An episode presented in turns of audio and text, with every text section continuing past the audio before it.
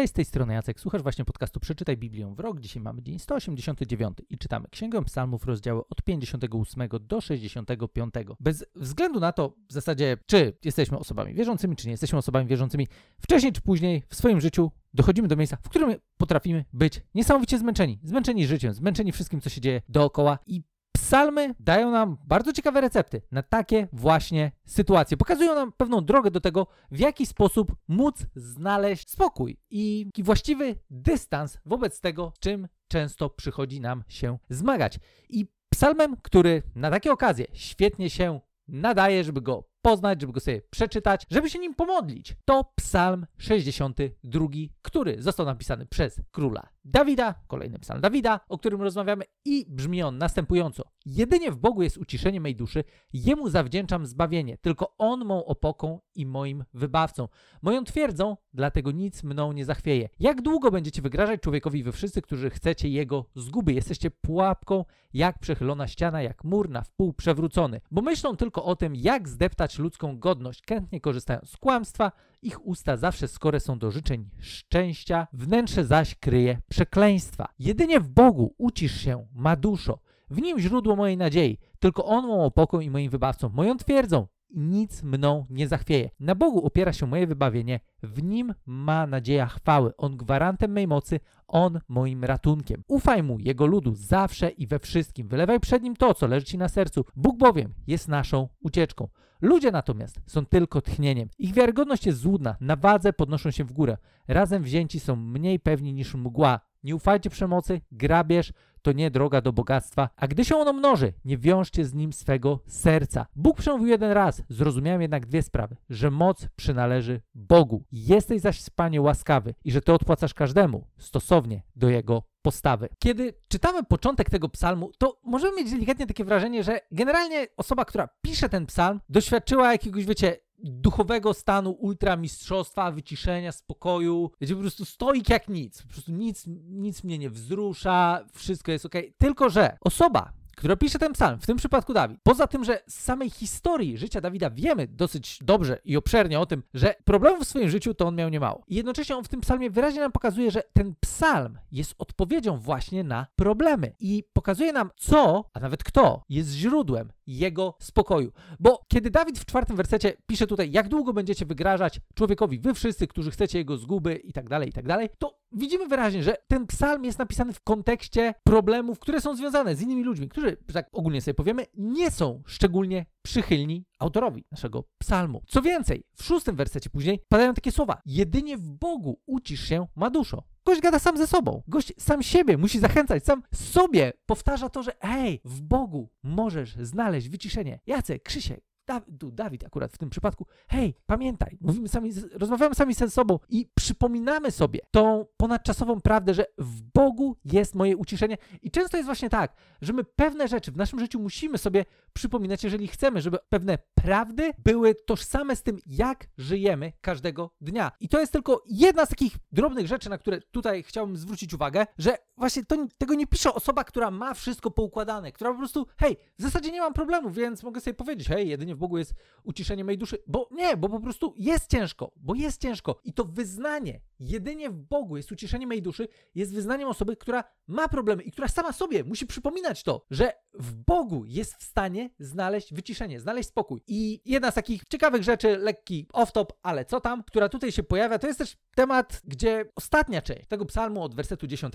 jest o ludziach, o tym, że oni są niewiarygodni. Generalnie na ludziach nie war- w ludziach nie warto pokładać swojej nadziei, no bo zwyczajnie możemy się przejechać. I znowu, to nie znaczy, że wszyscy ludzie tacy są i że przejedziemy się na każdym, komu zaufamy, tylko bardziej widzimy tutaj to, żeby we właściwy sposób lokować nasze zaufanie, żeby pełnia naszego zaufania była w Bogu, a nie w jakiejkolwiek osobie czy rzeczy, która zwyczajnie może i ma potencjał nas zawieść. Nie mówię, że tak musi być, ale tak może się zdarzyć. I między innymi, to jest też ciekawe, co pojawia się w wersecie 11, gdzie jest napisane, nie ufajcie przemocy, grabież to nie droga do bogactwa, a gdy się ono mnoży, nie wiążcie z nim swojego serca. Bardzo ciekawa rzecz. Nie samo to, że grabież to nie droga do bogactwa, tylko właśnie to, że gdy się ono mnoży, nie wiążcie z nim swojego serca. Tutaj nie czytamy o tym, hej, nie możesz być bogaty, nie możesz być zamożny, nie możesz, nie możesz się powodzić, co czasami jest takim jakimś dziwnym, pokrzywionym obrazem chrześcijaństwa, że chrześcijanie powinni być, wiecie, biedne żuczki, nic nie mają, w ogóle jeżdżą jakimiś starymi, izolowanymi autami i w ogóle, nie wiem, muszą, nie mogą mieć nic fajnego, tak, bo, bo nie, bo z jakiegoś powodu wydaje nam się czasami, że, że chrześcijaństwo na tym polega, że powinniśmy żyć w takim zwycza zwyczajnie materialnym ubóstwie. A tutaj widzimy, że no nie, no generalnie to nie jest problem, że masz. Problem jest tym, czy wiążesz z tym swoje serce, czy nie. Co znowu wraca nam do tego tematu, gdzie znajdujemy pociechę, gdzie znajdujemy w czym znajdujemy nasze oparcie w sytuacjach, kiedy jest ciężko. Czy próbujemy tego szukać w ludziach, czy próbujemy tego szukać e, w naszym stanie materialnym? Jeżeli tak, możemy się na tym przejechać. Nie wiążmy naszego serca z czymś, co jest nietrwałe, co może zwyczajnie się zmieni. Wiążmy nasze serca i pokładajmy nasze zaufanie osobie, która jest ponadczasowa i niezmienna. Ta sama zawsze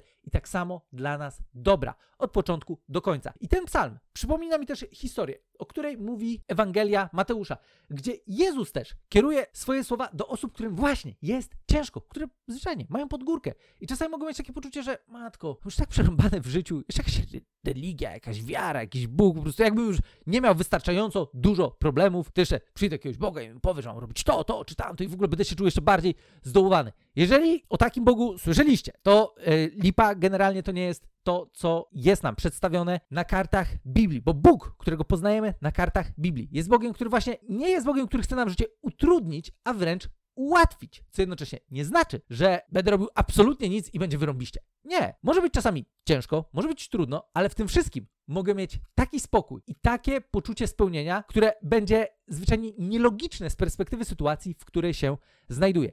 I Jezus o tym bardzo wyraźnie powiedział w słowach, które są dosyć powszechnie znane, ale często też niekoniecznie są rozumiane. Mówi on tak w Ewangelii Mateusza w 11 rozdziale od 28 wersetu. Przyjdźcie do mnie wszyscy zapracowani i przeciążeni, ja wam zapewnię wytchnienie. Weźcie na siebie moje jarzmo, uczcie się ode mnie łagodności i pokory serca, a znajdziecie ukojenie dla swych dusz, gdyż moje jarzmo jest wygodne, a moje brzemię lekkie. I znowu, pamiętajmy o tym, Biblia nie była pisana do nas bezpośrednio. W sensie, Jesteśmy osobami, które jak najbardziej mogą z jej mądrości korzystać, niemniej jednak musimy najpierw spojrzeć na to, co Jezus chciał powiedzieć ludziom, którzy byli jego pierwotnymi adresatami, do których bezpośrednio kierował te słowa. I z jednej strony widzimy, że byli to ludzie, którzy zwyczajnie byli przepracowani, przeciążeni i mieli ciężko, trochę tak jak dzisiaj, prawie każdy, tak? Zasuwamy, pracujemy, jest ciężko, jeszcze do tego włączamy telewizję, później widzimy, że inflacje, kryzysy, wojny, kurczę, jak tutaj w ogóle normalnie funkcjonować? I właśnie do takich ludzi Jezus kieruje swoje słowa, czyli tak samo wtedy byli ludzie zapracowani i przeciążeni, tak samo są dzisiaj. Każdy z nas, może nawet bardziej. Jednocześnie Jezus mówi, że hej, jak przyjdziesz do mnie, to ja zapewnię ci wytchnienie. Znajdziesz we mnie odpoczynek. I mówi później o dwóch ciekawych rzeczach. Mówi o jarzmie i o brzemieniu. I teraz, same te słowa, one znowu mogą nam mówić absolutnie nic i nie ma z tym żadnego problemu, bo nie są to raczej słowa, z których jakkolwiek korzystamy na co dzień. Jeśli chodzi o jarzmo, to generalnie był to dosyć ciężki kawałek drewna, który łączył ze sobą dwa woły. Z jednej strony jeden, z drugiej drugi i one tam sobie razem zasuwają. I teraz, to do czego Jezus nas tutaj zachęca, to jest właśnie to, żebyśmy wzięli na siebie to jarzmo, które On nam daje, w którym będziemy razem z Nim mogli równo iść. I tutaj ogólnie moglibyśmy pewnie poświęcić chwilę na to, żeby porozmawiać sobie o tym, jak to działało, co takiego to miało zrobić, ale ważna rzecz jest taka, że ten kawałek drewna, dosyć ciężki, łączył dwie, miał połączyć dwie osoby, które będą razem szły w tym samym kierunku. I jednocześnie w tym łączeniu my zwyczajnie korzystamy z siły też tej drugiej strony, która razem z nami idzie i pomaga nam ciągnąć cokolwiek tam mamy do ciągnięcia. To tak w dużym uproszczeniu jest to jarzmo, o którym mówił nam Jezus. I teraz, jarzmo w ogóle w tamtych czasach było dosyć ciekawe, bo z perspektywy religijnej nauczyciele żydowscy, rabini, mieli swoje jarzma. To były takie rzeczy, na które kładli szczególnie mocny nacisk, jeśli chodzi o swoje nauczanie. Jezus, będąc żydowskim rabinem, co by nie było, też takowe jarzmo miał. I generalnie to jarzmo było zgoła inne niż te wszystkie inne jarzma innych nauczycieli rabinów. Bo to, co tam ci robili, to mieli te wszystkie prawa, które były zapisane w Starym Testamencie i do tego skonstruowali listę setek praw, które regulowały nam tamte prawa, tak żebyśmy przez przypadek się nie pomylili, że coś robimy nie tak, to jeżeli tam było tych 613 praw za mało, no to my wam dołożymy jeszcze kilka innych, żebyście mieli pewność, że jak będziecie robić tamte nasze, e, to z tamtymi nie będzie żadnego problemu. No i generalnie to prowadziło do tego, że ludzie naprawdę byli załamani, bo mieli poczucie, że muszą tyle się narobić, żeby temu Bogu jakkolwiek się podobać. A Jezus mówi tutaj nagle,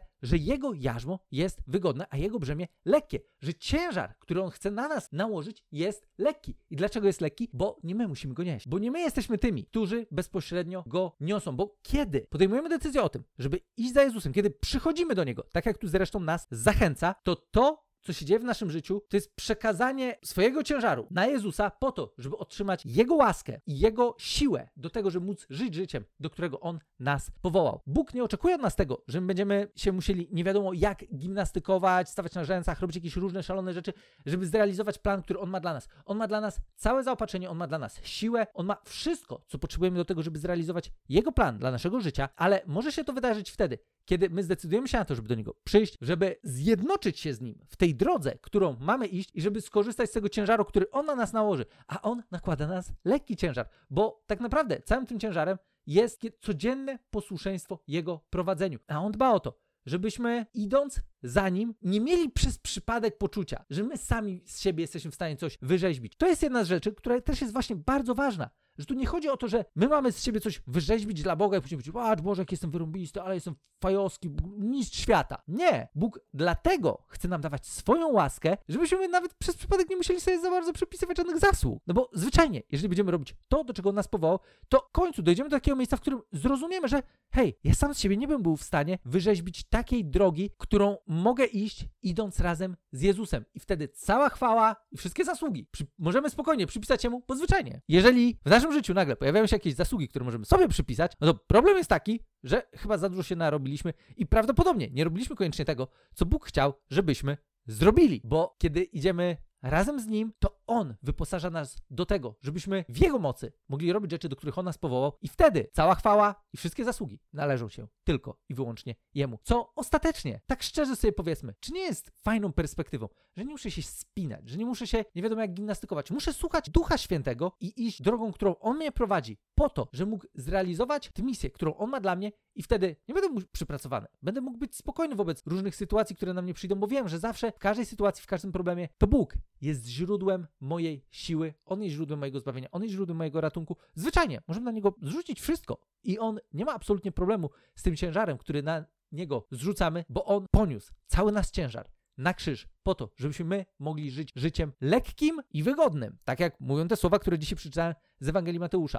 Nie znaczy to, że zawsze będzie bezproblemowo. Znaczy to jednak, że w obliczu jakichkolwiek przeciwności, jakichkolwiek trudności, z którymi przyjdzie nam się mierzyć, będziemy korzystać z nie swojej siły, a z siły tego, który powołał nas do nowego życia. Gdybyście mieli jakieś pytania, chcieli dowiedzieć się więcej, wejdźcie na stronę bibliawrok.pl, tam możemy sobie porozmawiać, podyskutować i słyszymy się już jutro w kolejnym odcinku.